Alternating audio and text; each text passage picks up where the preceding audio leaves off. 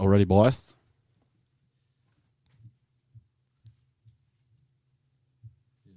Dat was de eerste stilte. Oké, komt-ie. You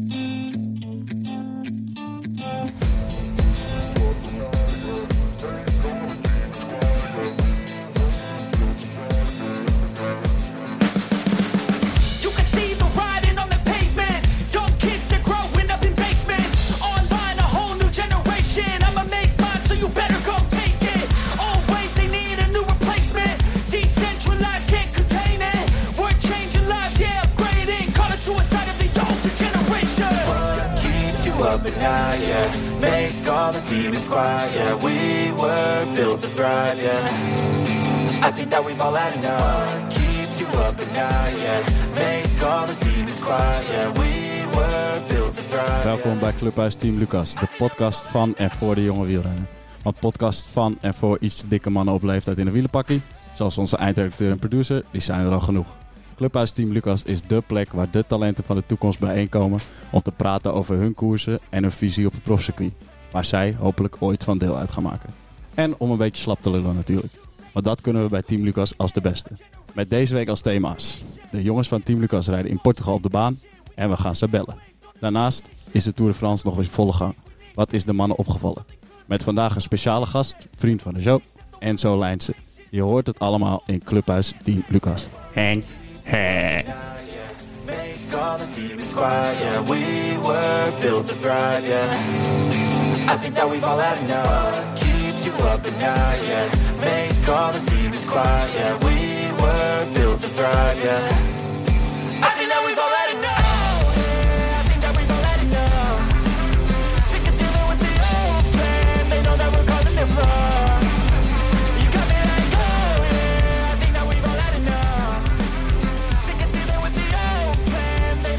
Yes boys, zijn we.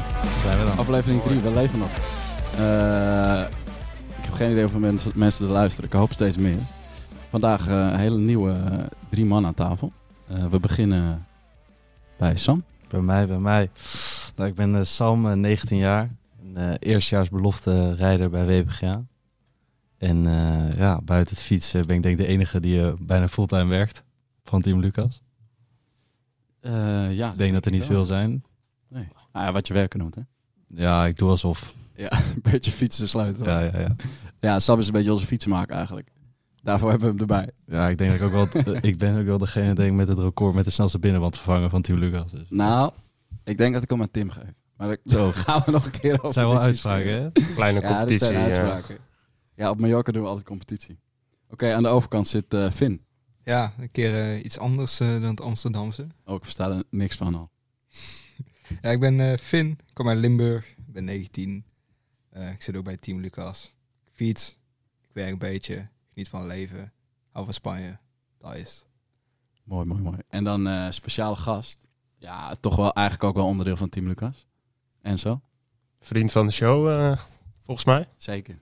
Eh, ja, Enzo Lijnse. Ik fiets eh, voor team DSM Furmenig tegenwoordig. En eh, ben eh, volgens mij ook al bijna oud voor deze podcast natuurlijk. Ja, bijna. Je mag er nog net bij. Nog net aan, hè? Ja, ja, ja. ja 21 jaar en eh, vriend van de show. Hè. Mooi, mooi, mooi. En eh, we gaan het over het stukje in koers hebben. Weer een mooie jingle. Komt die aan, hè? Hebben jullie deze allemaal gehoord? Ik heb gehoord dat Finn al niet geluisterd heeft trouwens. Voor Finn is alles nieuw.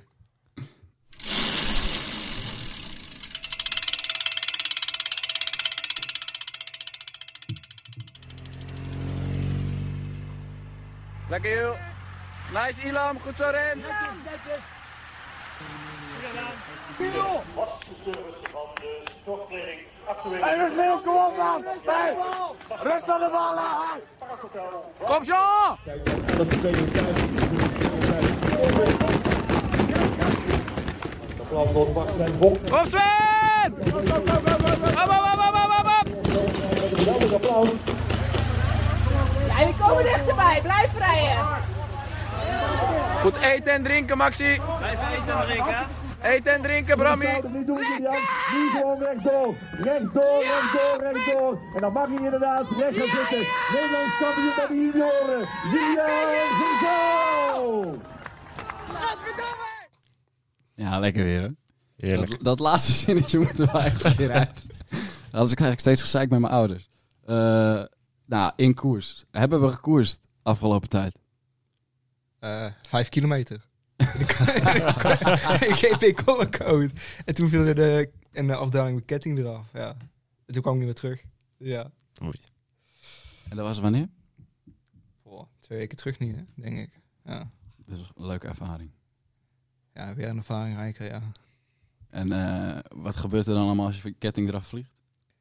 Heel veel gescholden. En eh, heel lang moeten wachten op de ploegleiderswagen. Want op de een of andere manier, ze zaten nog niet in de caravan. Ze zaten erachter. Gewoon achter de ambulance. Dus ik heb echt, eh, weet ik veel, echt een minuut langs de kant gestaan. In een afdaling. Maar het was ook, eh in Collecode is eigenlijk, dit jaar was het gewoon een vierkant over N-wegen. En ja, je had volgens mij een N-weg van 2 kilometer, echt 3% omlaag. Maar ja, dan peloton brommert daar lekker door. En, ik kon, en mijn ketting was bij mijn voorblad tussen mijn trabas en mijn buitenblad eh tussen gevallen. Dus ja, ik kon helemaal niks. Dus ja, toen moest ik wat fiets wisselen, wat ook niet echt lang, niet snel genoeg was. Omdat eh, mijn fiets stond, die eh, renners van die bord, die hadden hun fiets beter staan. Maar ja, weer een ervaring rijker hoe je niet je ketting ertussen moet laten vallen. kon niet achter de auto terugkomen of zo. Ja, nee, het was de eerste ronde volgens mij een volle bak koers. Want je had daarna de helm bij. En ik blies me daar eigenlijk ook gewoon een beetje op. Nou ja, toen eh, eigenlijk was de moed me eerlijk gezegd ook wel een beetje in de schoenen gezakt toen. Ehm, ik probeerde wel gewoon tussen de auto. Alleen ik kreeg gewoon bergop gewoon 500 watt. En ik weeg 262 kilo. En, ik kwam, en ze liepen zelfs uit. Terwijl ik achter de auto zat. Dus eh, ja, Dan is, het, dan is het een lange dag. ja, het was ook, voor de meeste renners was het een lange dag, ja. Maar ja, dus eh, ja. Maar ik was ook, als je goed bent, kom je ook terug. Maar ik was ook niet goed genoeg, dus daar moet ik ook gewoon eerlijk in zijn. Dus eh, ja, misschien ooit weer eens eh revanche. Ah, je hebt nog even natuurlijk. Sam, ben je nog een beetje gekoerst? Ja, eh, twee weken geleden in België. Dat schijnt nogal een gevoelig onderwerp te zijn, eh, moet ik zeggen. Is al teruggekomen in de vorige aflevering. Wat was jouw verhaal? Mijn verhaal is dat de voorbereiding niet top was. En dat ik denk eh, niet heb laten zien wat ik heb moeten laten zien.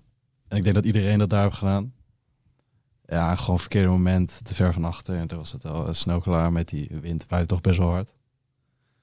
En toen hadden we zo, eh, hoeveel waren we? Zes man binnen 100 kilometer uit koers. En konden we naar huis. Dus dat is eigenlijk verhaal. Er is niet echt iets veel beters van te maken als dat.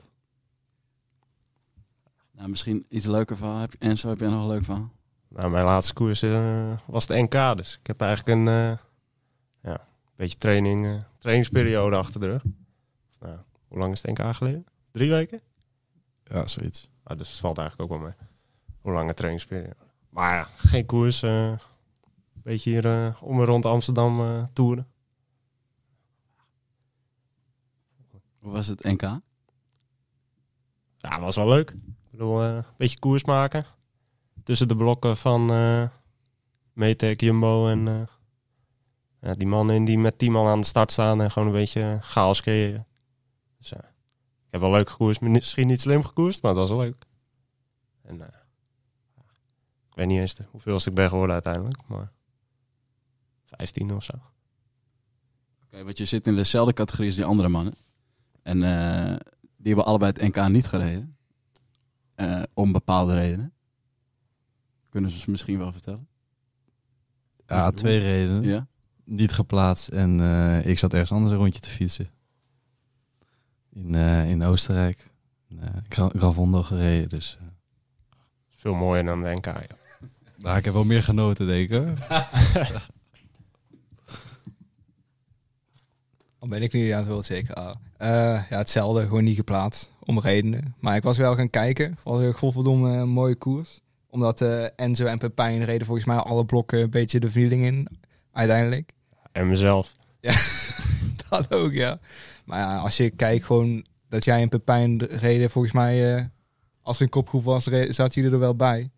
Dus ik, zeker koers gemaakt. In ieder geval wat ik van de zijkant heb gezien. En eh, ik denk uiteindelijk achteraf gezien heeft ook wel de sterkste gevonden eh, als je over de hele koers kijkt. Ja. Ja, dat zeker.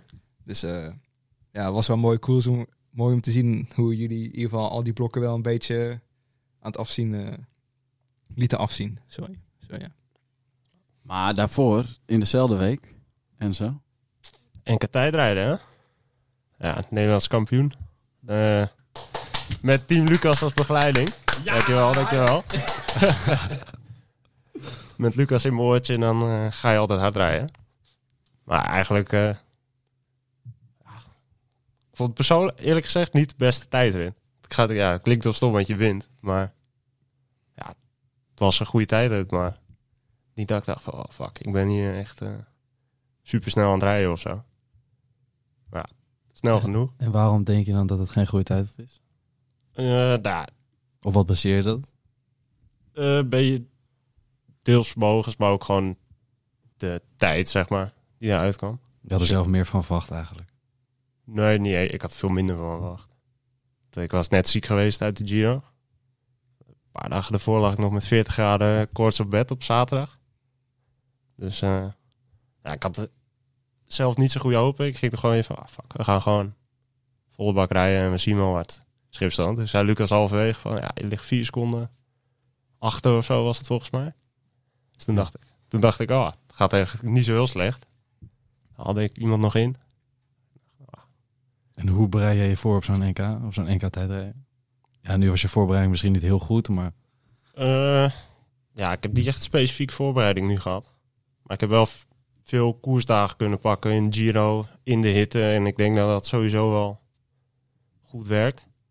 Ja, op die voedselvergiftiging dag na, zeg maar. En eigenlijk niet eens heel kapot geweest in die Giro, U, U23 moet ik erbij zeggen. En eh, ja, wel geadapteerd aan de hitte daar en eh koershardheid opgedaan. Ja, want de dag van de tijdrit van het NK, zeg maar, dat was wel warm, toch? Ja, het was wel... Ik eh, zag mannen met koelvest aan, dus dan is het vaak wel aan de warme kant. Ja, altijd. Ik startte zelf ook met eh ijs in mijn nek en zo.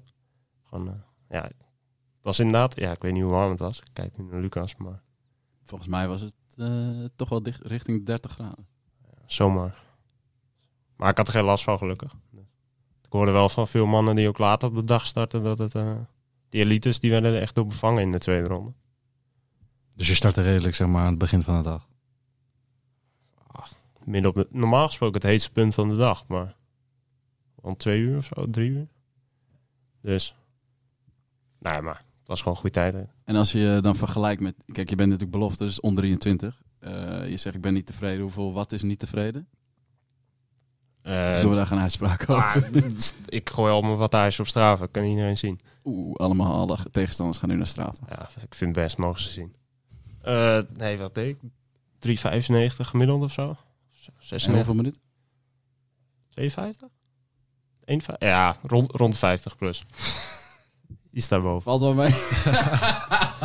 Ja, dat was heel gek, want eh, ja, ik reed weg van niet te hard starten. Maar toen voelde ik mijn benen toch best wel een soort van verzuren in die tijdenpositie. Maar ik kon er een beetje doorheen rijden, wat je normaal het liefst hebt. Dat je die laatste ronde pas echt gaat afzien. Of ja, je ziet de hele tijd wel af. Maar dat je echt pijn gaat krijgen. En ik had het eigenlijk al best wel snel, maar ik kon gewoon steady door blijven rijden. Dus, ja, ik vond, en ook als je de tijd vergelijkt met die profs, dan was het niet echt een super tijdrit of zo. Dus er had nog een hoop te verbeteren. Hoeveel zou je worden bij de profs dan? Heb je dat nog nagekeken of niet? Ik dacht, Volgens mij was er namelijk een belofte die bij de profs reed die wel harder reed. Was het niet Frank Harder? ja, Frankrijk harder. Ja. Ja. maar die is geen belofte meer. Frank is elite. Oh ja, Die die is is elite. Ja, zij lieten natuurlijk. Oh ja, dus die is af. Ja, 14e of zo. Daar ongeveer. Ik weet niet. Ah, Oké, 14. Maar ik denk als je achteraf bekijkt, dat wel in de hitte met die Giro, heb je daar wel echt een voordeel van gehad. Als je bekijkt met alle andere Nederlandse conties, dat, dat eh jij misschien voor jouw gevoel dan niet een goede tijdrit gereden. Kan door de hitte zijn, maar de anderen hebben er misschien meer last van gehad. Dus dat zou ook een eh, heel belangrijke factor kunnen zijn geweest. In ieder geval, als ik het zo hoor naar alle omstandigheden en qua voorbereiding, zou dat wel best een realistische reden zijn geweest. Ja, het zou kunnen. Maar als je over de jaren kijkt voorheen, dan is altijd dat de Giro op zondag finisht en dan woensdag tijdrit. En heel vaak ze hebben jongens die echt dan de Giro hebben gedaan, dat ze echt compleet naar de kloten zeg maar, op woensdag starten. Dus ik was een beetje bang dat dat ging Ja. gebeuren. Maar, Maar je, je had hem hoeveel dagen ervoor was gedraaid? eh, zaterdag was de laatste die ik reed. Eh, zondag niet meer. Om even een sprong te maken. Er zijn een heleboel eh, beelden naar boven gekomen. De, volgens mij de eerste bergetappe. Ja, finish op Stelvio. Eh, wat heb jij daarvan meegekregen van alle capriolen wat er zijn uitgehaald? en die Hij zat gewoon in de auto. Ik zat erin. fiets op het dak. Nee, er waren al heel veel jongens gelost voordat we überhaupt bij de Stelvio kwamen. Het was echt een pittige dag, zeg maar. De eerste uur boven de, dik boven de 50 aan het uur gereden met een klimmetje erin ook. Dus waren al best wel jongens weg. En ja, onderaan de voeten, zeg maar, mijn klimmen afgezet en dan in de bus eh, naar boven. En we hebben gewoon, ja, je ziet er niet zoveel van. Wij hebben er niet zoveel, omdat je toch, je rijdt gewoon rustig omhoog, maar je bent toch verder van voren dan die jongens helemaal achteraan.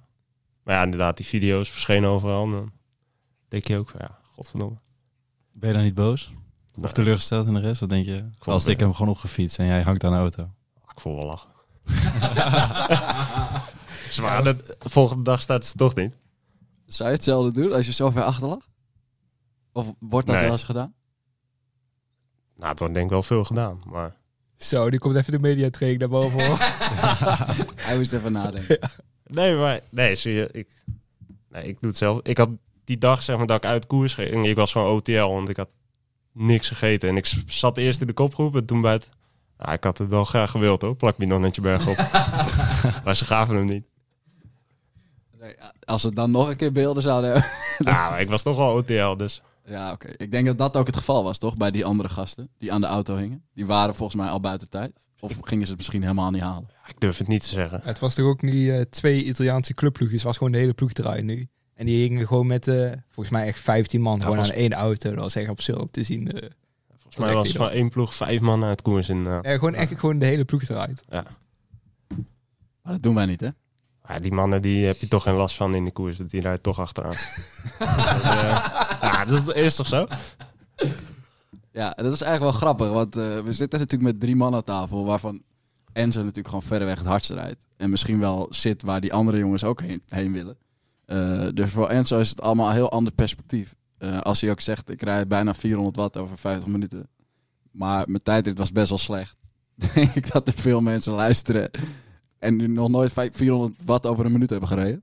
Nou, zijn wij als wielrenners, halen we dat wel. Maar vijf minuten wordt al voor mij al lastig. Eh, hoe, hoe, hoe luisteren jullie naar deze verhalen?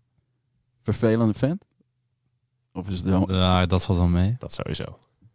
Klinkt wel als iets van, ja, gast, eh, ik haal dat toch nooit. En jij doet nou net alsof je hier net een, een, als laatste over de finish bent gekomen tijdens de tijdrit. ja, dat is wel een beetje, ja. Ja, ik vind er niet veel van. Tja. Ik denk meteen al wat per kilogram. Maar dat is wel steeds verschrikkelijk hard rijden. Ja, nee, maar het is wel... Ik zit altijd met mijn achterhoofd. eh, ik ben maar eh, een klein gastje als je vergelijkt met de rest van Nederland. En dit is natuurlijk... ook 400 watt op het vlak is ook gewoon nog steeds pokkenhard. Dus eh, hoe dan ook... Enzo zal iedereen op de kant zetten. En iedereen zal lossen. Dus ja. Hebben jullie eens- wel eens met Enzo in de koers gereden? Ik heb vorig jaar op het NK zat ik in de groep met Enzo.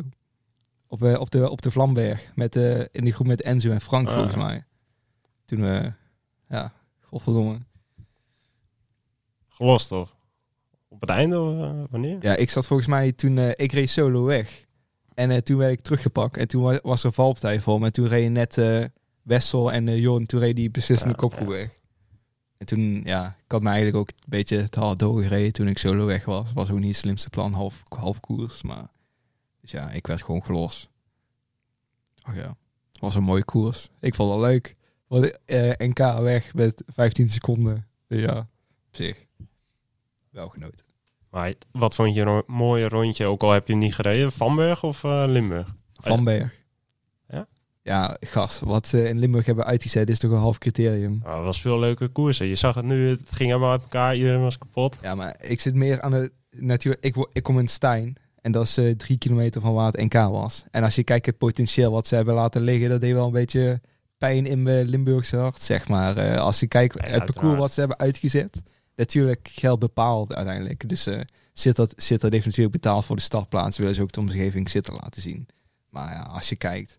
Bij, ik vond het een beetje... Wel, ja, ik vond het wel jammer. Ze hadden, ze hadden wel een mooie parcours kunnen uitzetten. Vooral, ik denk ook... Het was eigenlijk zwaar, zwaar genoeg natuurlijk. Maar je had wel andere, mooiere klimmetjes erin kunnen doen, zeg maar.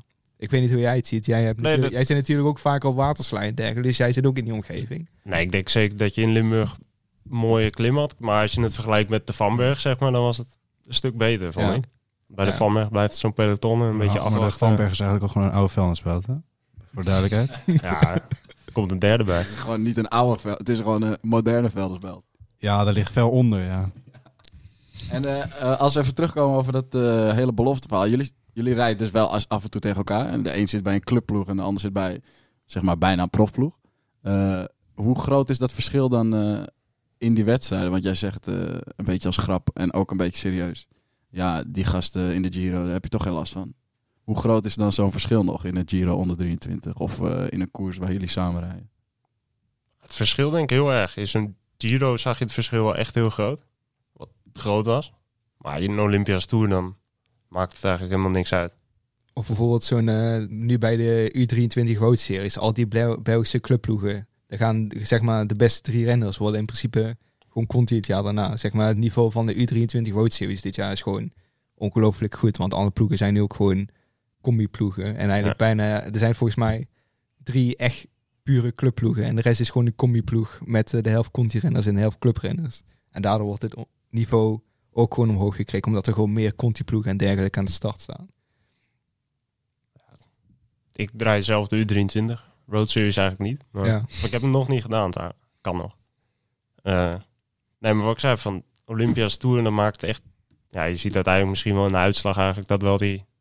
De betere renners altijd komen bovendrijven. Zeker deze editie eh, in de waaiers. Maar ja, daar is het gewoon een soort van free-for-all. Gewoon chaos. Als je meer risico's neemt, dan zit je mee in Olympia's Tour. Zo simpel is het. Ja, want eh, jij rijdt natuurlijk, je rijdt natuurlijk de IC-koersen. Ehm, en wat, wat is eigenlijk het grootste verschil naast de clubrenners in de punt 2 koers en de punt 1 koersen? Veel meer chaos. Ja, veel meer, veel, ja, niet per se gevaarlijker, maar je hebt een soort van eh, in de dan Nederland vooral dan Stervelswolle is een grote koers, maar doe ook op clubploegen mee, clubteams. En het is gewoon dan gewoon echt meer een soort, ja, ik noem het al free for all zeg maar. Het is niet echt alles rijdt door elkaar, het is gewoon chaos. Ja. En je probeert wel je treintjes te maken, maar het gaat vaak Ja. soms niet. En bij dan zo'n Conti meerdaagse en dan wanneer meer Conti ploeg, dan krijg je ook wel een gevecht, maar dan is het toch meer gestructureerd als daar. Zoals je Ja. misschien bij de profs zou zien dat je gewoon die treinen gaat Ja. krijgen. Maar dat is, denk, ik merk dat ook vooral in het buitenland. We hebben dit jaar bijvoorbeeld met de ploeg heb ik ook GP Herning en Fienroend gereden in Denemarken. Dus gewoon zelfs die Deense clubploegen die helpen mee controleren. Dat is echt compleet anders dan in Nederland. Hetzelfde bijvoorbeeld toen WPG in Polen rijdt. Hebben we hetzelfde verhaal. En bijvoorbeeld toen wij vorig jaar, eh, hoe heet het, de Istrian Spring Trophy aan mijn hoofd. Toen ik die heb gereden, is ook gewoon eigenlijk als een profkoers laat ze gewoon de kopgroep rijden, wordt die Ja. gecontroleerd. Dus eh, ik vind het altijd wel een stuk fijner. Want eh, in Nederland is het ook gewoon die club, meeste clubrenners, die gaan ook gewoon kamikaze doen. En de- ik denk dat dat ook vooral het verschil is tussen bij ons en in het buitenland. In het buitenland weet, je, weet iedereen zijn plekje wel.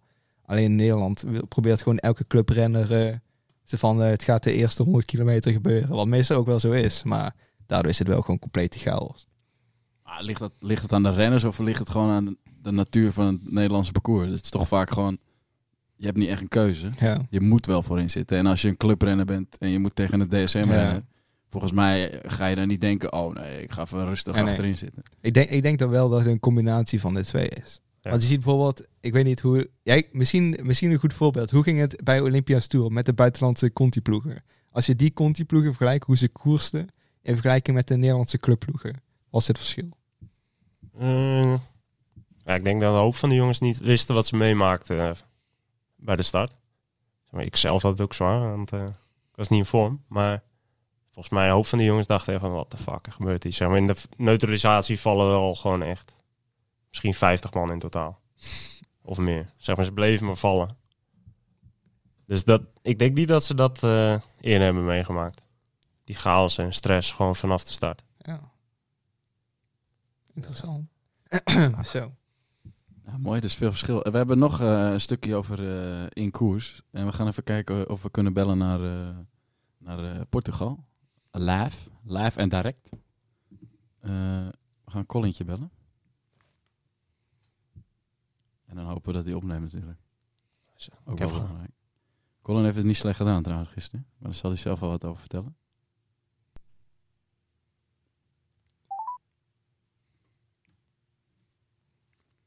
Moet hij wel opnemen? Zit nog aan de eettafel. Ja, dat zou heel goed kunnen. Dus, Dus, eh, je zit, eh, daar bij het zwembad met eh, Jan eh Israëlische meiden te spotten. ja, zitten bij de Israëlische dames, denk ik.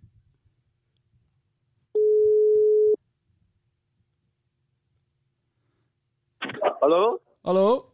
Je bent live, hè? Oh, is Lucas. Hey, Hey. Ja, lekker jongen. Oh, het is even chaos daar. Ehm, Lucas, Colin? kunnen jullie hier heel, heel, heel misschien 10 minuten wachten? ja, we bellen over 10 minuten terug. is goed, jongen. Ja? Ja, is goed, pik. Oké, top. hey, lekker Dankjewel. sterk. Sterk gedaan. Yo. Heel de regie en de stress nu. Ja, Ja, ja, echt. Heel dat draaiboek naar de kloten. Nou ja, dan gaan we gewoon even verder met het eh, volgende dingetje en dan komen we daarna wel terug naar Colin. Oh ja, oh, ik krijg hier zo. rechts achter me, eh, dit is wel heel belangrijk. We zitten hier natuurlijk bij AC Olympia Clubgebouw. Oudste vereniging van Nederland. Dat even Eh, gezegd is. Veel historie. Ik fiets hier ook zelf al, eh, ik denk bijna 20 jaar al. Dus Veel, het veel wordt, te lang. En, eh, ja, het wordt echt tijd om te stoppen eigenlijk. En eh, dat is dit weekend alleen maar duidelijker geworden. Want eh, onze producer Jerry is gewoon clubkampioen geworden. Ja, ik voelde me een soort eh Mathieu van der Poel. Want eh, als ik ging rijden, ging iedereen rijden. En als ik niet ging rijden, waren ze ineens allemaal heel moe. Dus de, op een gegeven moment in de laatste ronde eh, zaten we allemaal weer bij elkaar. Met allemaal bedoelen we niet 100 man hoor. Dan bedoelen we gewoon, we zaten met een man of 12 denk ik nog. Ehm, en eh Jerry gokte het erop. Want in de sprint weten ze dat ze mij niet pakken. En ik dacht, nou, Jerry kunnen we wel laten gaan. Ook een beetje, weet je, je moet mensen ook wat gunnen af en toe. Eh, dus het was echt een perfecte aanval. Complimenten naar Jerry. Want eh, je moet toch alles of niet schokken. Je kan niet eh, een sprinter mee naar de streep nemen. Dus met nog een kilometer, denk ik. Ja, kilometer te gaan. Volle aanval. Nee, er ging eerst iemand anders weg, volgens mij. Oh, eerst ging Jerry weg. Toen ging er iemand achteraan. Die ging er overheen. Maar daarna ging Jerry er weer overheen. En was die gozer werd eh, ingehaald door het peloton. Die werd wel tweede uiteindelijk. Dus het scheelde, het scheelde denk ik echt een banddikte. Met, met de nummer twee. Dus perfect getimed. Dus eh, complimenten voor Jerry. Die het eigenlijk het beste heeft gedaan van ons allemaal dit weekend. Eh, dus dat moest er even in natuurlijk. Dus kunnen we weer verder. Was dat genoeg props? Nee, zo is goed. Ja, oké. Dat was het. Maar de grote vraag is, hoeveel is er mee eigen geworden, Lucas? Oh, nou, het was wel redelijk spannend. Want ik dacht, eh, zal ik de binnenbocht pakken of de buitenbocht?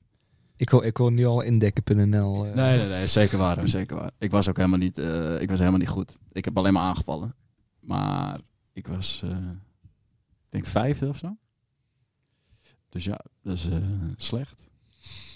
Volgend jaar weer een jaar. Kunnen we weer clubkampioen worden. Het is wel uit de hoogst haalbare hier hoor. Olympia ongeveer. Als je, als je hier niks wint, kan je altijd nog clubkampioen worden. Oh, het is, ja, het is, de koers. het is Jerry's eerste koers ooit gewonnen. Nou, hey, zo Nou, zie je maar eh, mensen. Je kan meteen een grote vis. Ja, hallo. Oudste club van Nederland.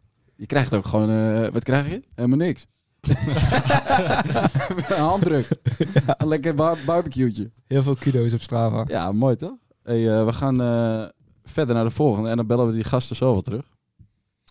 Ik ben benieuwd of ze dan nog, nog aan het eten zijn. Waarschijnlijk niet. Eh, komt uit de oude doos.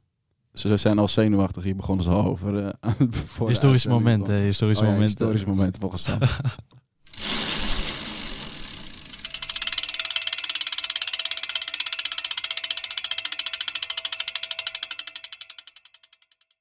It's the sole one day World Tour race in the Netherlands. It's one of the best races of the year, always entertaining. So they left Maastricht this morning. Beautiful city right on the border with both Belgium and Germany. And as the flag dropped, it will be a very, very fast start in extremely good and warm weather in Limburg. This is Alaphilippe on the Ezer Bosweg now. Well, this is anything that Van der Poel can do. Well, I can do better. And goes clear again. 36.2 Ks to go. Well, could this be a similar situation? Volkshanger's had a wonderful season so far with his Astana team. Goes straight to the front with Alaphilippe. A formidable duo now lead this race. Following quickly on the heels of the two leaders, Kwiatkowski, the former winner, and Trentin, the European champion. 20 kilometres remain. There's the final turn. It's tail crosswind for the final K now. And it's Alaphilippe at the front. And they're about to be joined by a whole new group. And company might do it yet. What an exceptional day. Here comes Kwiatkowski. Left hand side hits the front and he's right back in the game. How did they let them do this? Alaphilippe behind. Kwiatkowski at the front and Fulsang in third place. 600 metres to go, but we've got a group of other riders still ready to go. Kwiatkowski is now towing Alaphilippe to the finish.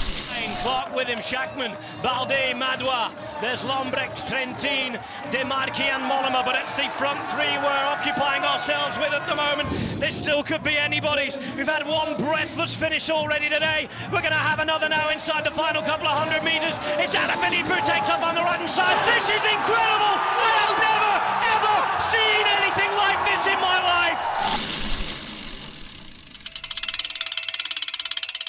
Mannen, het is aan jullie. Wie of wie was het? Waar was het? En wat heeft deze renner betekend? Ja, nou. Ik denk dat eh, deze niet zo moeilijk is. eh, Mooiste weekend van mijn leven. In het algemeen. ja, voor de Limburgers. Ja. Nee, maar de, dat weekend heb ik ook mijn enigste KNWI-overwinning gehaald. De dag van tevoren was eh gloriedagen bij Nieuwelingen. Won ik toen eh Klein Hein. Solo, half. Ik deed mijn reden toen in de laatste kilometer, volgens mij. En de dag daarna was eh, Amstel. En mijn vader had de VIP-kaartje geregeld. En we stonden op de finishlijn. En dat was echt het meest bizarre qua publiek wat ik ooit in mijn leven heb gezien. eh. dus dat was wel eh, echt een mooi weekend. En eh, ik weet nog, de dag daarna reed ik Ronde van Gerwen. En toen werd ik helemaal de vernielingen gereden. Te veel bier gedronken. Nee, dat niet gelukkig. Nog niet. 0-0. Ja, wie was het? Van de Poel. Ja, oké dan. Oké, mooi. Wat vonden we, weet, kunnen we deze nog goed herinneren? Vast wel. Zeker. Deze is niet heel lastig, moet ik zeggen. Eh, Dat was het. Ja, ik wou net zeggen. Dat was het, ja. Wat kan je nog herinneren? Dat ze de laatste bocht in rijden. De laatste kilometers denk ik rechtdoor. Mhm. En dat uh, Alaphilippe en eh Luchenko volgens mij voorop zijn en een beetje aan de linkerballen zijn. En dan worden ze bijgehaald en Van der Poel gaat denk ik van 800 meter aan. En die haalt het tot de finish. Dat is het en hij wint. En daarna valt hij op de grond. Oké. Mooi cinematisch eh, shot, hè? Eh Enzo, heb je wel eens echt van de poel gereden? Eh, ik, ik dacht daar laatst over, maar volgens mij niet. Daar ben ik best blij mee nog. Weet je een beetje bang? Ja, die bang, maar hij rijdt wel verschrikkelijk hard, hè. Dus, eh, nee, ik heb volgens mij nog niet echt van de pool eh, gereden. Andere grootheden? Eh Vingegaard. Of nou ja, ik stond aan de start met Vingegaard. de ronde van Kroatië, of de Crow Race la- vorig jaar. En eh, hij won wel het klassement daar. Wij werden tweede. Ik niet, maar... ja, andere grote namen, geen idee. Even voor de duidelijkheid mensen. Wat Enzo reed eh 3,95 op NK op 15 minuten. en eh Mathieu van der Poel uit mijn hoofd. Toen het NK 2020 reed hij Normalize. Dat toen volgens mij. In de weg. Op de, weg, in de, op de wegrit, ja. Ja, zou no, hij Normalize volgens mij 3,84 of eh 3,90 toen. Dat was echt... eh, Met die volgens mij zit je voorlopig gewoon in Gruppetto. eh. ja, dat was echt bizar NK toen. Lijkt het je leuk om dan tegen die gasten te gaan rijden? Het, het lijkt me dat je ooit nog prof wordt. Dat hoop ik voor je. Eh, het gaat goed dit jaar, dus het- we gaan er gewoon vanuit. Eh, als je straks in de Tour zit en die gasten gaan elke dag aanvallen, heb je daar heel veel zin in? Als je goed bent, dan is het leuk. Ik had er vandaag over, over die etappe... Etappe 12 was het vandaag? Wanneer je hem luistert. Eh, ja, dat die gasten zo hard eigenlijk dat eerste uur aan het koersen zijn allemaal. En als je goede benen hebt, dan is het mooiste wat er is misschien wel. Als je die ochtend op bent gestaan met, nou, vandaag kan het ook wel rustig, dan heb je een zware dag, denk ik. Dat denk ik ook. Ik heb geen idee. Maar als jij aan de start staat van zo'n wedstrijd, als je Vinegaard naast je ziet staan, of een stel voor je ziet Van der Poel naast je, of weet ik veel wie.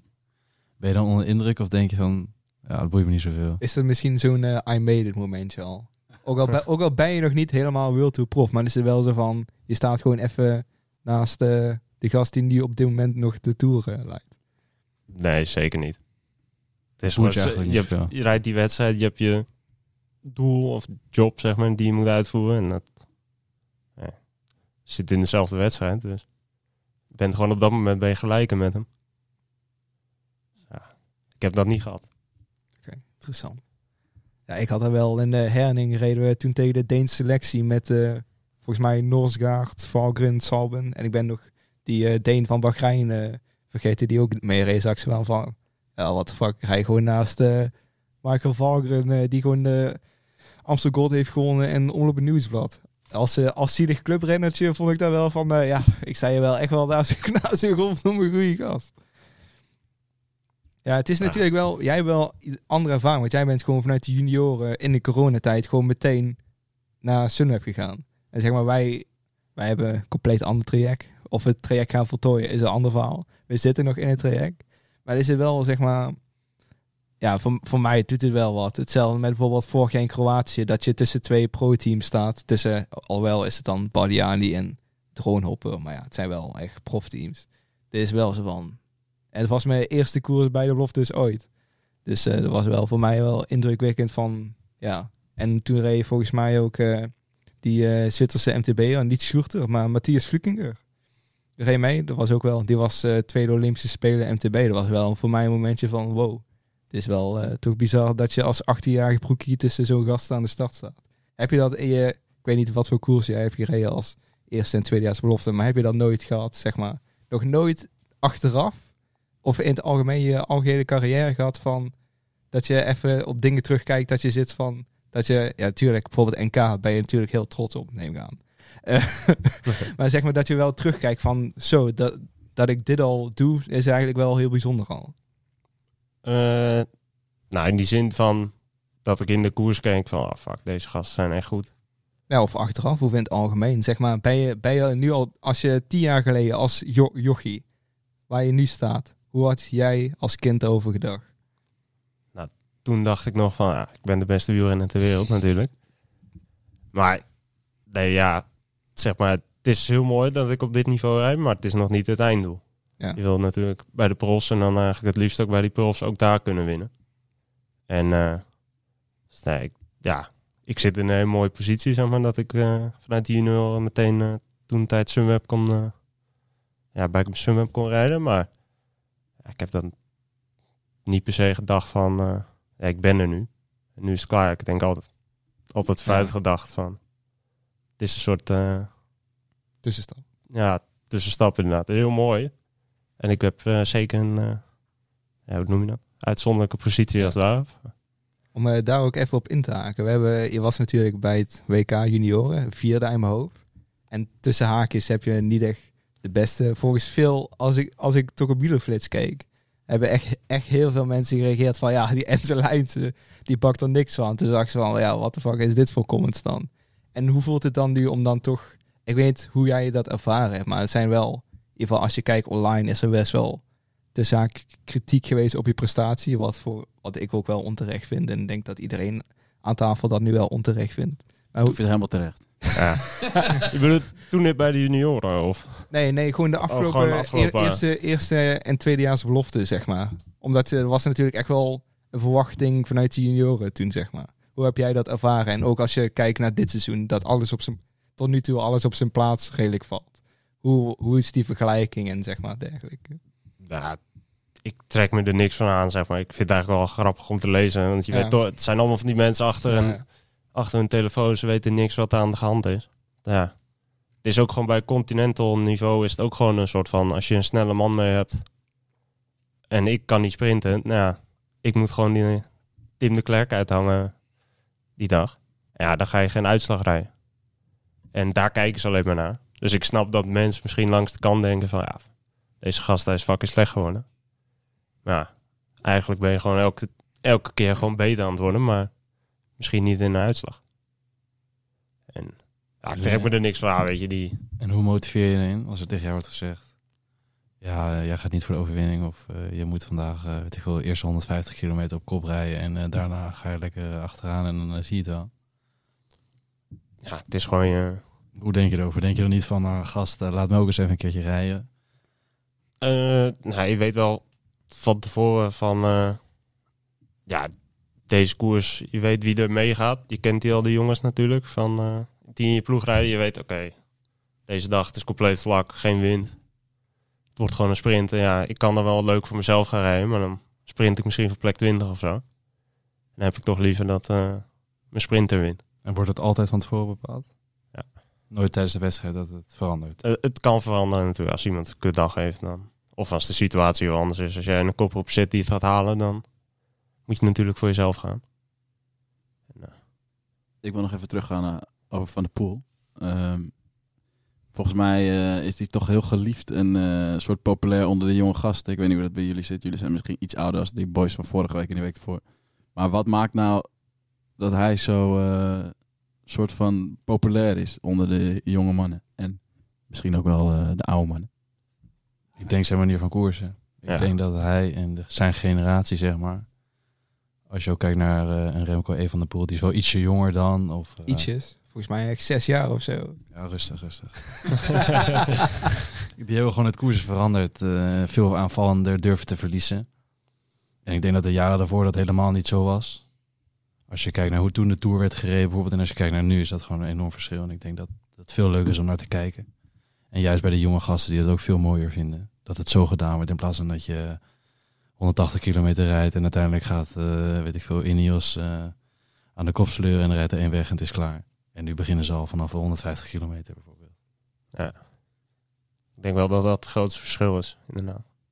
Maar je moet het, het verschil is ook dat ze het nu kunnen. Zeg maar, een Mathieu, een Wout van Aert en al die gasten, zeg maar. Ze kunnen ook gewoon op 100 of 120 kilometer van de meet gewoon daar aan beginnen. Met die finale. Ja, maar ik denk, ik denk dat ze dat een paar jaar geleden ook nog wel konden.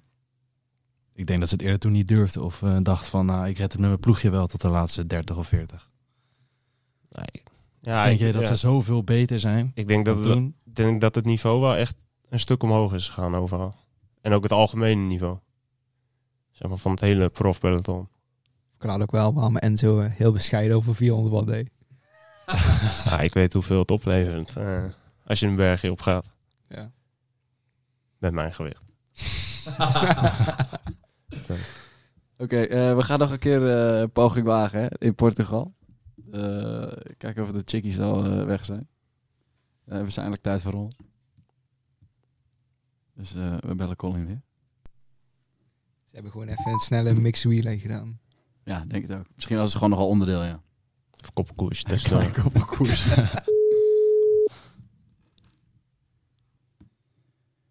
nou, nou. Het zou wel lekker weer zijn daar. Ze liggen denk ik gewoon aan het zwembad.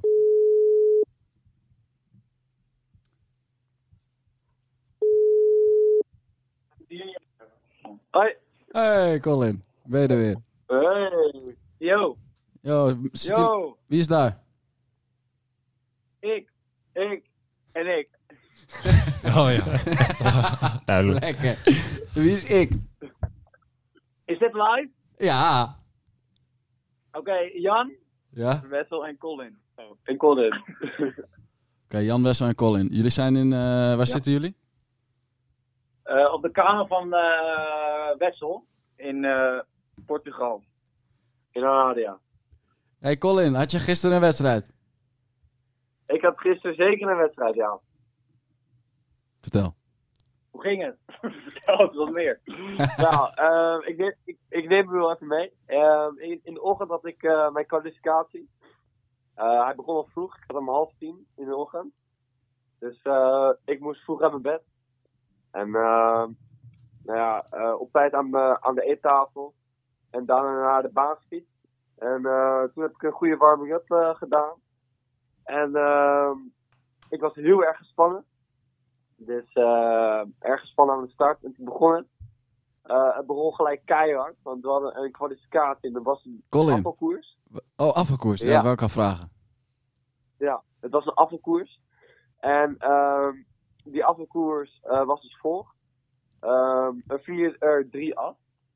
Dus eh degene die er bij de eerste drie zaten die afvielen, die gingen ook niet door naar de finale. Ehm, dus eh, ik had bij het begin hele, hele slechte benen. Dus eh, ik had heel veel moeite om daarbij bij te blijven. En ehm, uiteindelijk heb ik gewoon, was ik wel gewoon door. En ehm, dus daar was ik al echt hartstikke blij mee. Ehm, daarna gingen we naar de finale. Die was pas in de avond. Om, hoe laat was het? Half negen volgens mij was het. Kwart negen. Ehm, ik stond er aan de start met veel minder zenuwen. Want het was meer van, ik heb eh, de finale gehaald. En ehm, nu ga ik gewoon ehm, ja, fietsen en kijken hoe ver ik kom. Ik had niet echt een doel gesteld of zo. Uiteindelijk eh, kwam ik erachter dat ik wel veel betere benen had dan, dan in de ochtend. En ik gewoon alles uit alles moest halen om ja, de koers zo goed mogelijk te rijden. En toen we nog zes of zeven over waren, toen, ehm, toen eh, zat ik er echt helemaal doorheen. Maar eh, toen had ik wel echt het gevoel dat ik zeg maar, ja, wel echt gewoon nog wat in me had. En er alles uit ging gooien om ehm, ja, het podium te kunnen bereiken. En eh, uiteindelijk heb ik alles uit- alles gegooid om die derde plaats te bereiken. En eh, nou, toen ging het licht ook echt helemaal uit. En eh, had ik podium binnen, derde plaats. Derde plaats. Goed verhaal. Applaus. Ja, die hè. En eh, nog wat meegemaakt in de wedstrijd. Eh, ja, twee valpartijen. Ehm, dat was echt alleen maar duwen, duwen, duwen en beuken. En eh, ja, iemand die eh, over een wiel heen vloog en uiteindelijk eh, ja, hem toch redde. Die schoot uit, uit zijn metaal en die schoot over, over beton heen. En die reed daarna weer de, weer de wedstrijd in. Dus eh wel veel rare dingen meegemaakt in de wedstrijd, inderdaad. Oké dan. Eh, hebben de andere boys het gezien op de tribune? Ja, En? ja ik, zat, eh, ik zat op de tribune. Dit is Jan, en, hè? ja, dit is Jan voor de luisteraars thuis.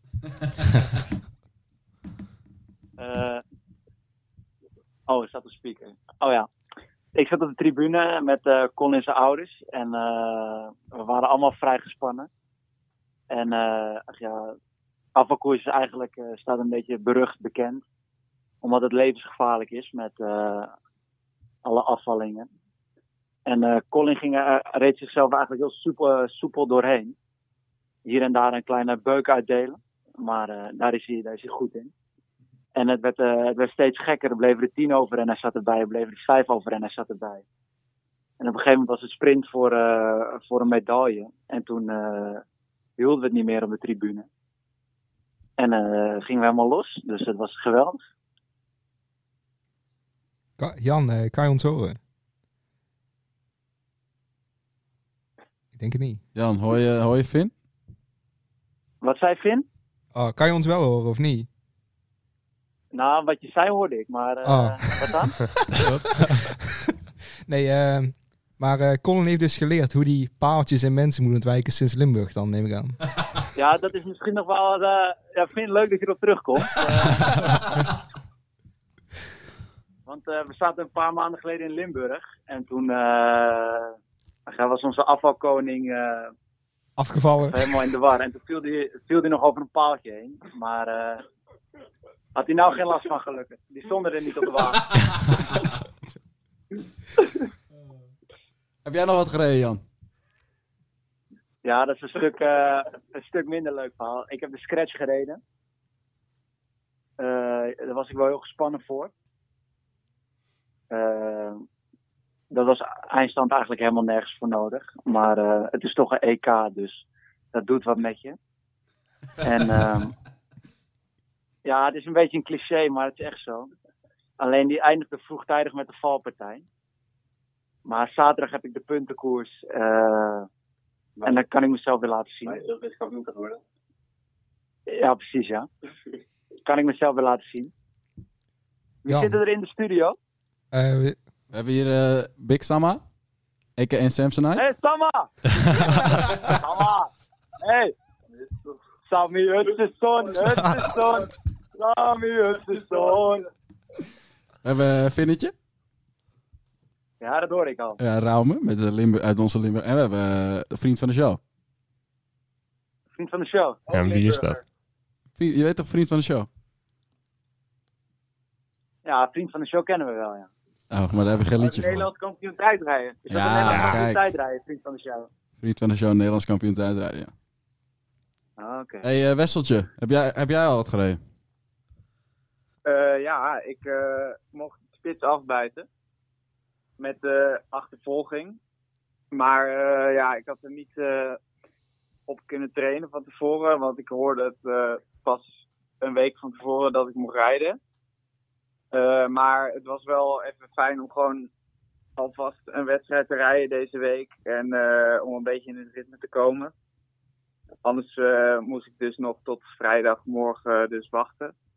En eh, ja, ik was redelijk naar verwachting wel, eh, was ik twaalfde geworden. Op eh, wel vijf seconden van mijn PR af. Dus op zich wel tevreden. Maar vanaf morgen begint het echte werk. Wat was je tijd, eh, Wessel? Mijn tijd was 4.23.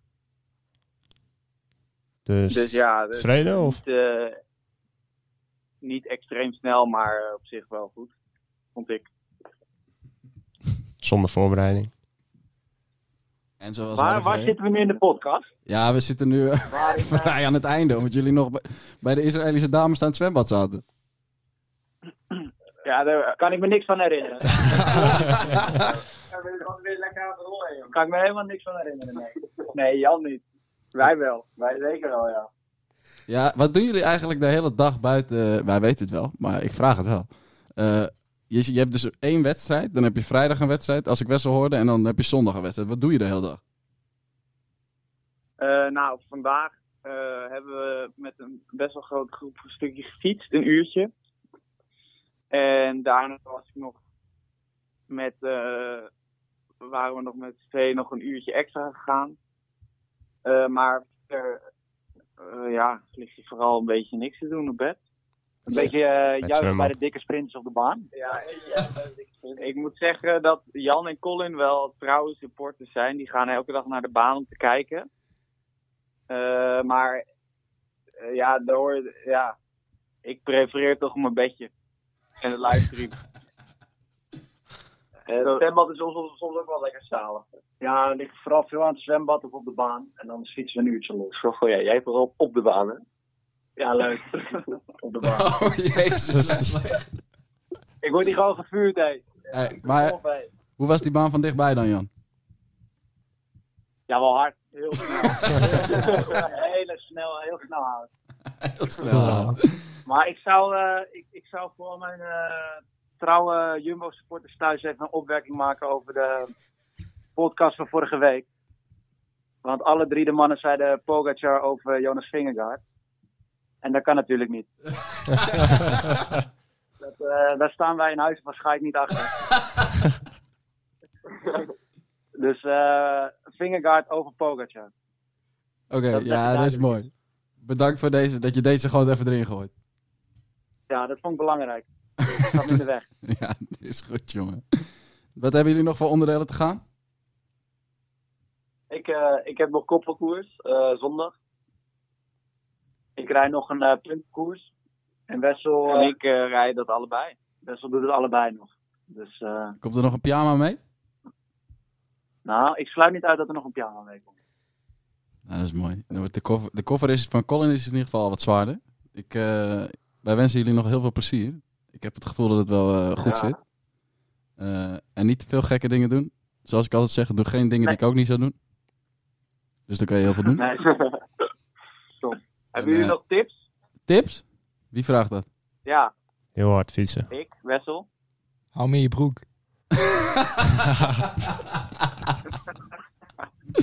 Dankjewel, Fit. ja, ja, lekker. Ik weet, er zit hier geen baanrenner aan tafel. Halve Nee. baanrennen. Ja, Enzo. Enzo vindt zichzelf een halve baanrenner. Heb jij nog tips?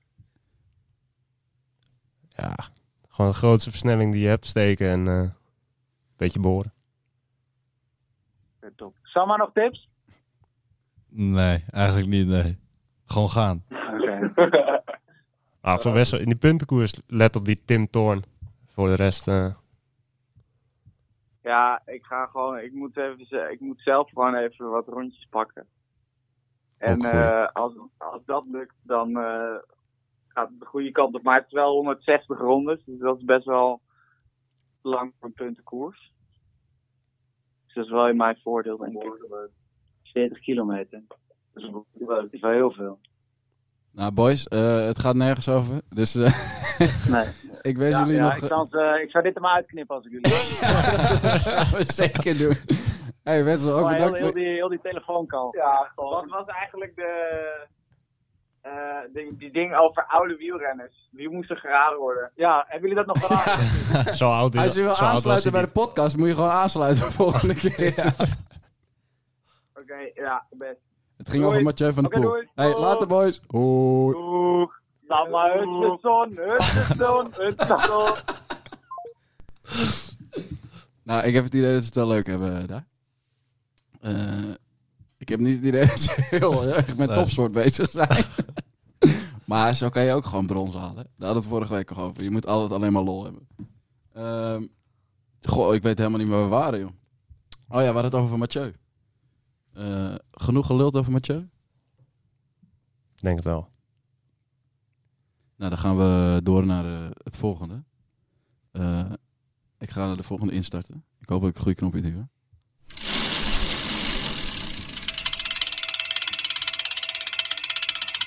Oude mannen die ooit gekoerst hebben, die vertellen hoe het vroeger was. Ben je ook zo moe van dit soort verhalen en ben je op zoek naar iets nieuws? Luister dan nu, want dit is fris, fris, fris, fris, frisse blikken. De wielerwereld bezien vanuit de jonge mens. Ja, frisse blikken. Eh, jullie zijn jong, dus ik mag niks zeggen. Ehm, we gaan het gewoon weer even hebben over de Tour. Ehm, we gaan niet eh, elke etappe bespreken, is niet zo heel interessant. Ik vind het vooral een paar dingen heel interessant eh, eh, wat we deze week gezien hebben. Misschien moeten we beginnen met de etappe 9. Behoorlijke, behoorlijke beukrit. Michael Woods won. En daarachter ging het om de gele trui. Via de Dome. Zeker. Mooie koers. Zeker dat die Woods eh, was goed voor mijn tourpool. Dus ik was erg blij dat hij er terugkwam. ik had hem opgesteld. Eh, oh, het ging wel weer hard bij eh Vingerkaart en uh, Pogacar. Eh, sta ik van versteld. Ah, hij brak niet helemaal, hè? Het was Nee. wel een goede acht seconden of zo. Wat had hij aan het tijd? Ja, acht seconden volgens Dus dat valt mee. Ja, acht seconden is acht seconden. Als je iedere dag eh, in de Tour acht seconden pakt. Ja. Telt wel op uiteindelijk. Vooral over de snelheid die ze omhoog reden. Eh, Zo'n Ja. man op Twitter die analyseert alles. En die schatte een FTP op dat laatste stuk van een kwartier. Boven, eh, of eh, wat per kilo boven de 7 voor het laatste kwartier. Ja. Ik neem aan dat je Lent en Hoes haast. Nee, domestiek heet hij volgens mij. Ah, ja. Twitter. Allemaal hetzelfde. Ja. Teringhard. Maar je ziet daar ook wel gewoon dat Pogacar heeft gewoon die punch. En daarna zie je als je het langer dan twee minuten is, dat ze in principe even hard rijden. Alleen Pogacar slaat gewoon dat slat in dat gat. Zo. Die slaat dat gat in die eerste minuut. En het is ook gewoon dus, tussen haakjes in vergelijking met die etappe waar Pogacar een minuut verloren, was het een, voor, de klas, voor, hun, voor hun twee ten opzichte van de rest een makkelijke etappe. En dan zie je ook gewoon als Pogacar gewoon fris is, ga je het hier iedereen letterlijk en figuurlijk uit de wiel. Ja. Ja, ik kan het niet. Ja, wat ik ook een heel mooi verhaal vond van deze week is misschien... Ja, een mooi verhaal, misschien zo'n kut verhaal. Een renner die volgend jaar naar jullie toe gaat. Die is eh, vandaag eruit gestapt. Eh, Fabio. Fabio. Eh, is nog niet officieel, toch? Wat? Van Fabio? Ah, dat roepen ze toch overal? Ik heb geen idee. Nou oké, het is niet officieel. Eh, officieus is het. Officieus. Hij gaat officieus naar DSM. Nou, dan eh, praten we nog niet over hem en DSM. Maar wat vinden jullie van eh, dat strijden achteraan. Hebben jullie dat wel eens meegemaakt in een etappekoers? Of, hoe voelt dat als je... Jij, jij zegt net bij de Giro, out of time. Hoe voelt dat als je net voor die bezemwagen rijdt? Oké, ik moet er wel bij zeggen, dat was wel echt omdat ik alles wat ik binnennam, eh ging er een halve minuut later weer naar buiten. Zeg maar, het was echt niet heel fijn. Dus ik, onder normale omstandigheden heb ik dat nog niet gehad zoals Fabio heeft. Maar die dag, ja, het is gewoon afzien eh, tot de max. En ik denk dat Fabio ook in de koers af en toe wel denkt van... het is veel makkelijker om nu gewoon je auto in te stappen en... eh, maar dan toch doorgaan. Maar ik heb nog nooit zoals Fabio daar zo moeten strijden om een tijdslimiet te halen. Maar ik heb ook nooit de Tour gedaan. Ehm, poh, ik heb wel eens dat ik in de eerste groep heb gezeten. Maar de andere keer was het gewoon DNF. En die dacht je echt voor de bezemwagen gereden. ik kan me wel in eh, vorig jaar in Triptyque de Mont Château. Zat ik volgens mij reed ik de eerste 10 kilometer solo voor het peloton met 20 meter. Dat was ook niet het slimste plan. En toen dacht ik, oh, hadden, we hadden de eerste was 170 kilometer. En het eerste deel, je had eh, ja, een paar heuveltjes. En daarna had je open en kasseien. Maar ik wist niet dat er wind stond. Dus, ja, ik dacht gewoon, waren die heuvels over? En zaten we, oh ja, nu is ik gewoon lekker binnenbollen en een sprintje rijden zoals in Kroatië. Ja, dat was dus niet. Toen eh gooide volgens mij Inuix met FDG gooide op de kant en peloton brak in drie stukken. Oh, dit is ook de befaamde etappe van Enzo Milesi en eh, volgens mij... eh, Lorenzo. Jo- ja, en eh, is het Joris Reindrink? Die hebben ze toen die, die dag uit koers gezet. Want eh, ik zat toen in de derde waaier. En Enzo Milesi die reed lek. Dus ja, ik heb voor, dat is ook de reden waarom ik uiteindelijk gelost werd. Ik heb 40 kilometer in zijn wiel af te zien. Ik heb helemaal niks gegeten, niks gedronken. Ik heb alleen maar een eh, Dura Ace achterwiel met Victoria bandjes gezien en wat grond. En eh, mijn waar, waar mijn hartslag de hele tijd 180 zat. En dus op, uiteindelijk moest ik ook gewoon letterlijk op een viaduct werd gewoon gelost met 250 watt. Omdat ik zo leeg was. Het was de tweede etappe toch? dan? Ja, tweede etappe, ja. En eh, Joris die zat eh, in die eerste groep. En die moest volgens mij, wat ik hem meegekregen, moest hij zich laten terugzakken voor Enzo. Maar dat heeft hij dus niet... voor Lo- Lorenzo, Lorenzo, sorry, sorry. Ik, ik was er niet voor de duidelijkheid. Voor Lorenzo, maar dat deed hij niet. En toen werd hij heel radicaal uit koers gezet. Wat ik eigenlijk nog steeds niet snap. En daarna hebben ze ook... Door zijn eigen ploeg? Ja, door eh, DSM, DSM heeft hem toen niet laten starten de dag daarna. En daarna zei ze, ja, sorry. Maar ja, je kan, je kan het toch beter gewoon bespreken en hem dan eh, gewoon laten rijden. Want nu hebben ze gewoon een man minder. En Lorenzo eh, won die dag daarna wel de etappe. De tijdrit, tijdrit ja. Met overmacht. Maar ik denk naast, naast de tweede etappe in Kroatië is dat wel de zwaarste dag op mijn fiets geweest. Toen kwam ik, kwam letterlijk, heeft mijn vader een video van dat ik zigzaggend over de meet kom. Wel op eh, volgens mij 12 minuten achter de eerste, achter de winnaar. Maar Paul, eh, die eh, Lorenzo kan wel hard boren, joh. Die is, als je hem ziet, dan zou je niet zeggen dat het een klimmer Ja. is. Maar het is eigenlijk, hij, ja, ik ik, weet zijn exacte gewicht niet, maar hij is vrij groot voor een klimmer. Dus hij kan gewoon Ja, hij zat volgens mij, ik weet niet of het Joost was of zo'n Engelse gast. Maar hun twee zaten gewoon op kop te boren van onze groep. En we zaten met twintig man. eh, ik, maar ook gewoon een aantal Conti-gasten zaten gewoon alleen maar af te zien in een wiel.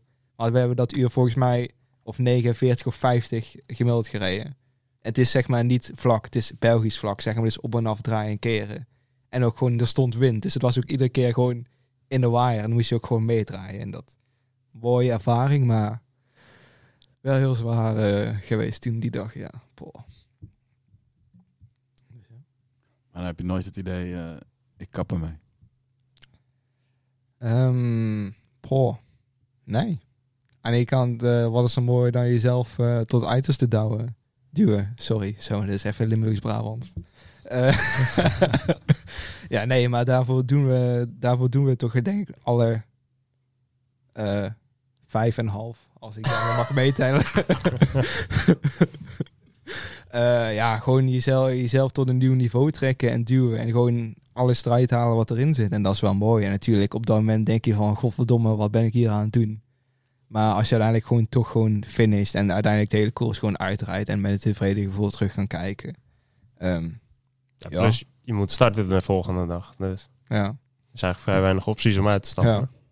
Ja. En eh, ja, je moet gewoon door. En ik denk ook als je zelf zo'n moment, zeg maar, dan besluit, oké, Ja. het is te zwaar, ik stop. Dan de volgende keer is het besluit nog makkelijker. Ja, daarom. En dan... Maar, Ja, maar dat- dat, is uiteindelijk wel gewoon die topsport mentaliteit. Gewoon altijd blijven doorgaan zonder tegenslag. Dat is wel zeg maar wat gewoon uiteindelijk een eh, grote gast maakt tussen het verschil tussen niet zo grote gast.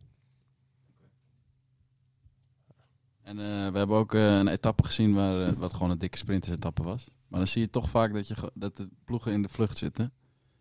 En nou heeft Enzo ervaring met de vlucht, geloof ik. Vroege vlucht. Is het niet soms heel kut gewoon om in... dan zit je in die vlucht, dan weet je eigenlijk dat je ingehaald wordt. Ja. Maar het kan ook al leuke dag weg zijn. Ja, het klinkt misschien, is zeker in zo'n tour denk ik. Dan pak je toch op eh, ja, tv-tijd. Weet ik hoeveel duizend man eh, langs de kant. Oh, sorry. De hele dag. Maar ik denk ook, iedereen in die kopgroep weet op zo'n sprintdag van ja, je gaat never te nooit ga je het halen. Op zo'n sprintdag. Zeker in de tour niet, zoveel organisatie. Maar ja, ik denk dat soms sommige ploegen, zoals kleinere ploegen, die willen gewoon ja, die exposure. En voor grotere namen, die, waarom ze mee zitten, weet ik eigenlijk niet. Maar het is ook nog eens dat je dan achter sowieso niet hoeft te werken. Dat kan ook een reden zijn. Is het leuk? Kan best leuk zijn. Ik heb nog wel een leuke vraag om daarop in te haken. Want als je bijvoorbeeld kijkt in de UAE Tour en Saudi Tour, waren allebei één etappe. In de ene reed Thomas de Gent toen de hele dag op kop. En de andere Turgie. Is het, en dat hebben ze ook daarna gezegd in een interview. Ja, ik doe het gewoon als training, anders verlies ik gewoon fitness. Zo, eh, zo makkelijk is die etappe dan. Is het bij DSM ook zo dat ze soms iemand ook gewoon de vroege vlieg insturen, gewoon als training, zeg maar? Nou, ik denk niet op de manier dat Thomas de Gent het bedoelt. Want ja, ik snap het wel, want in zo'n koers, die daar kun je echt gewoon met 100 watt eh, naar de streep rijden als je wil. Als je niet op kop hoeft. Kan Lucas meesprinten? Lucas kan daar gewoon winnen. Ga ik winnen, gek. Ja. Die gaat aan en eh, ze zien hem niet meer. Laat ze het niet weten, hoor. Hou op. Dat is echt bang.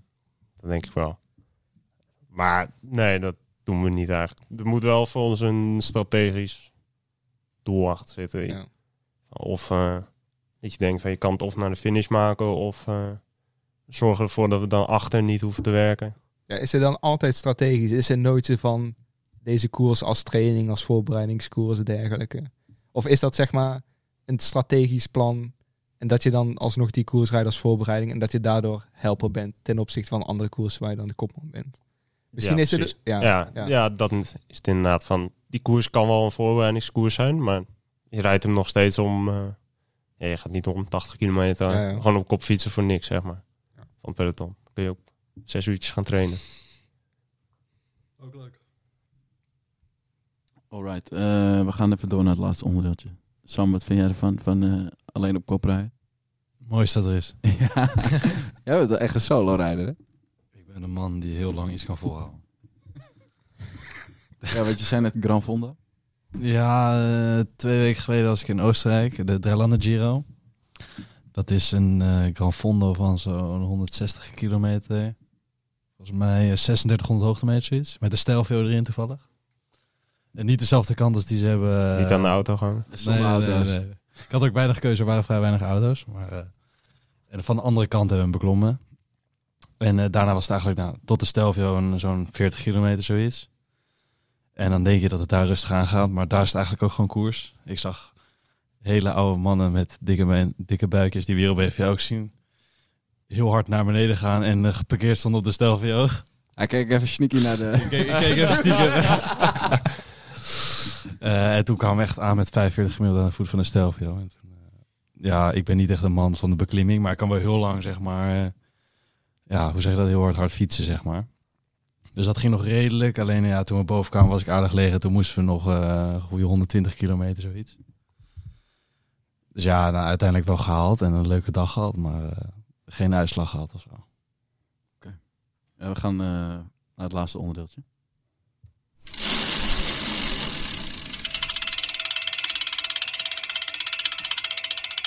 Nooit meer op de baan fietsen of nooit meer in het bos. Nooit meer je beste maat zien of wereldkampioen worden? Nooit meer in het wiel plakken of nooit meer los uit het peloton? Dit is de laatste ronde in Clubhuis Team Lucas. De dilemma's. Ja, Enzo heeft weer bij de hand opmerking. Die zegt het is nog van de vorige, maar dit is een instartje, Enzo. Welkom bij podcast. Eh, Dit is ook mijn eerste keer. ja, lekker scherp. Hij is al twee keer hetzelfde. Oh, nou, dat heb Hij ik heeft wel niet. goed- hij Zo scherp was ik niet. Ja, ik luister op de fiets, hè. Oh ja, één oortje in. Ehm, kijk, ik, vond, ik bedacht gelijk een dilemma toen Sam zijn verhaal eh, bedacht. Eh, een Grand Fondo goed uitrijden of een eh, grote koers die belangrijk is op jouw niveau, maar dan niet uitrijden. Oeh. Wat, wat valt onder uitrijden in Grafondo? Nee, uitrijden of win mag je hem ook Nee, niet winnen. Ah. Maar gewoon wel goed uitrijden. Dus dan zit je in het- ergens in de top 20, top 15. Ja, ik zou dan 100% Gran Fondo goed uitrijden kiezen. Ik pak gewoon Mamot dan hoor. Top 15 lam- Mamot. Ja, doe ik Gran Fondo maar. Ah, dat is makkelijker dan ik dacht. Dus. en als het om een toeretappe gaat, of een Tour de France gaat en dan uitstappen, of een Grand Fondo goed uitrijden. Nee, maar jij zegt toen net niet uitrijden. is iets anders dan Ja, uitstappen. je rijdt, jij rijdt de Tour dan niet uit. Maar zeg maar één, de eerste etappe gewoon meteen gewoon klaar. Ik wou, Of- je moet wat specifieker Ja. zijn. eh. Godverdomme. Ja, maar dat betekent wel dat je al in de Tour sowieso zit. Dus ben je op best hoog niveau. Ja, doe dan de Tour maar. Ja, waarschijnlijk heb je al wat gewonnen als je in de Tour rijdt, dus dan ga ik ook daarvoor. Nou. Nou, je kan in ieder geval een aardig stukje trappen. Laat ik het daarop houden dan. Ja, oké. Tenzij je inkoopt. Kan ook. Ik denk niet dat dat gebeurt tegenwoordig. nou, oh, oh, oh. eh, hoe heet het? eh, hoe heet dat? Vin- Vina Sabu? eh, hoe heet die een Nederlandse gast toch? Die- niet heel Nederland. Ja, in, de- in de, Gi- over de Giro. Even, even een sprong naar de Giro, de normale Giro. Hoe, hoe heet dat? eh, die door KTM werd gesponsord, die Italiaanse Pro Conti ploeg. Vorig jaar volgens mij uitgevallen. Eh die reed, reed vorig jaar voor Bahrein Academy Development, die Nederlandse gast. Nee? Nee, is- Eh, eh, geen idee. Gewoon, Nee, oké, door naar de volgende. Door naar de volgende. Eh, In- Ja, ja, ja. Inkelaar. Hè? Inkelaar. Of... Nee, nee, nee. eh, niet, niet Etienne van Empel, die andere gast. Ah, geen idee. Nou, goed verhaal. We gaan door. Ja. Oké, komt-ie. Nederland wereldkampioen voetbal of Mathieu van der Poel wereldkampioen eh wielrennen? Van de Poel wereldkampioen. Ik ga zelf gewoon voor voetbal, hè. Dat is toch echt één Voetbal. groot feest. Ik Ja. zou voetbal zeggen. Ik zou ook voetbal zeggen. Eerlijk gezegd. De kans dat Mathieu nog een keer wereldkampioen... Hij is al een paar keer wereldkampioen geweest. Ja, Dus op ja. de weg, hè? Of is het in de kos? Of wat is Nee, het? hij zegt wereldkampioen. Nee, op de weg, op de weg. Ja, Voetbal. voetbal. Mathieu wint het WK dit jaar, dus ja. Maar dat kan dan dus niet. Dan weet hij met jou. Nee, het is het een of het andere. Het kan dus niet allebei gebeuren.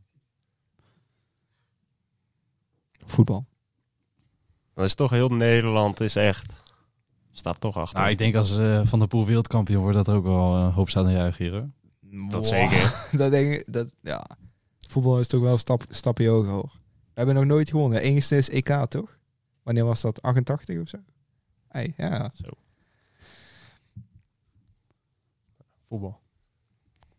Ik denk, dat, ik denk dat in het algemeen voor het land dat er wel beter is voetbal. In plaats van de zaakjes Mathieu fucking van der Poel. Ik houd bij Van der Poel. Oké, mooi. Ja, ik zou ook voor voetbal gaan. is toch mooi, man. Ik kom zo aan in die, in die grachten. We gewoon op die woonboten staan weer. Dat lijkt me echt vet om mee te maken. Zelfs ik heb dat niet meegemaakt. Ik ben tien jaar ouder dan jullie. ja. Eh, Oké. Eh, we hadden het hier net al een beetje over. Oh, ik heb er nog zelf een bedacht net. Eh, de bergtrui of de sprinttrui winnen? In welke ronde dan ook, maakt mij niet uit. Bergtrui. Sprintrui. Ook sprinten. En is dat dan afhankelijk omdat je nu goed kan sprinten... of is dat omdat je dat de mooiste trui vindt? Eh, nou, als we het realistisch moeten kijken, is een sprint heel logischer voor mij. Ja, maar je mag kiezen. Maar als je echt mag kiezen, dan doe ik het sowieso. Want ik vind een bolletjestrui, ja. Ja. Heb ik niet zoveel mee gewoon. Dat, Maar- dat kan ik toch niet begrijpen. Bolletjestrui is het mooiste wat er is. Is gewoon meeste, beste klimmer, beste aanvaller. Dat, dat heeft gewoon dan niet. met een groene trui of een sprinter ben je toch gewoon beste sprinter. Dat is toch gewoon... Ja, dan ben je godverdomme zo'n dikke sprinter wat vijf etappen is, doet knallen. Ja. En, nou, en Ja, voor de dan bol... win je wel etappes. Ja. Zeg maar, je wint etappes, anders win je het groen niet. Dus dat is mijn. ja, eh, tenzij je Sagan eet. Die wint er dan één of zo. win, je toch, win je er toch één. Ja. Nou, een bolletjestrui, ja.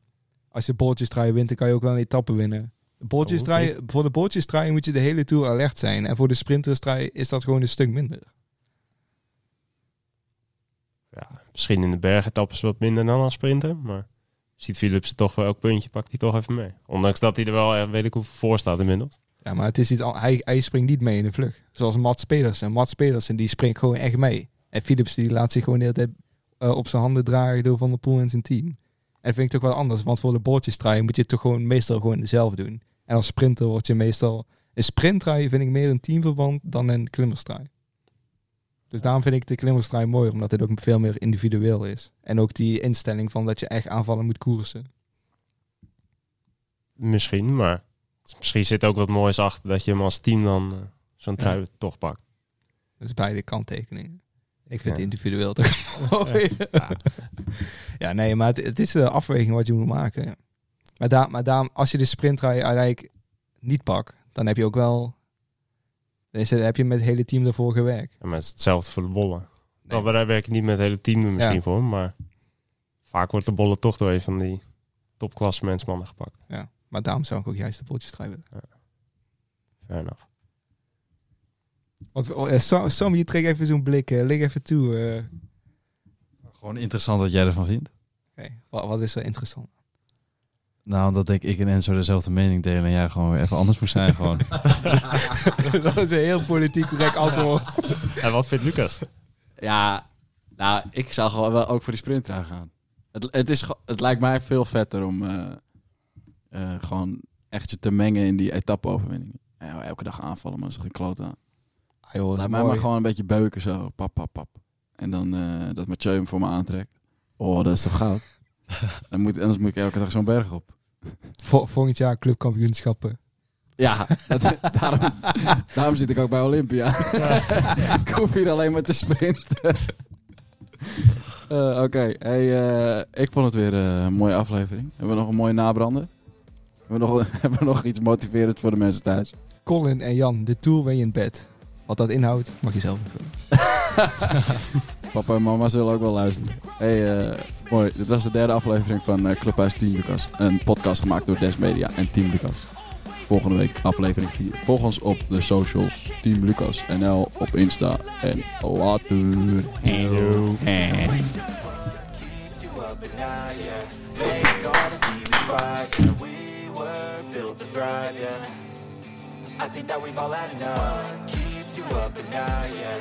Make all the demons quiet, yeah. We were built to thrive, yeah.